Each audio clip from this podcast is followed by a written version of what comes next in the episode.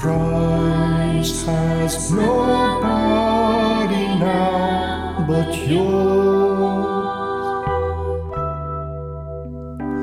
No hands, no feet on earth but yours.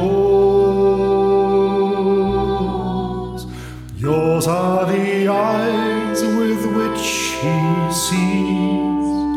Yours are the feet Yours are the hands with which he blesses all the world. Yours are the hands.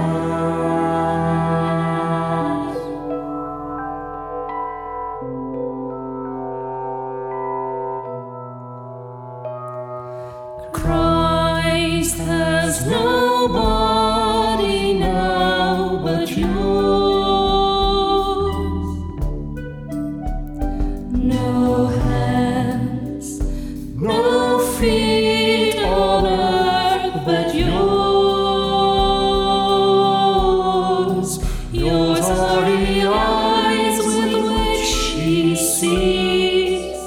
Yours are the feet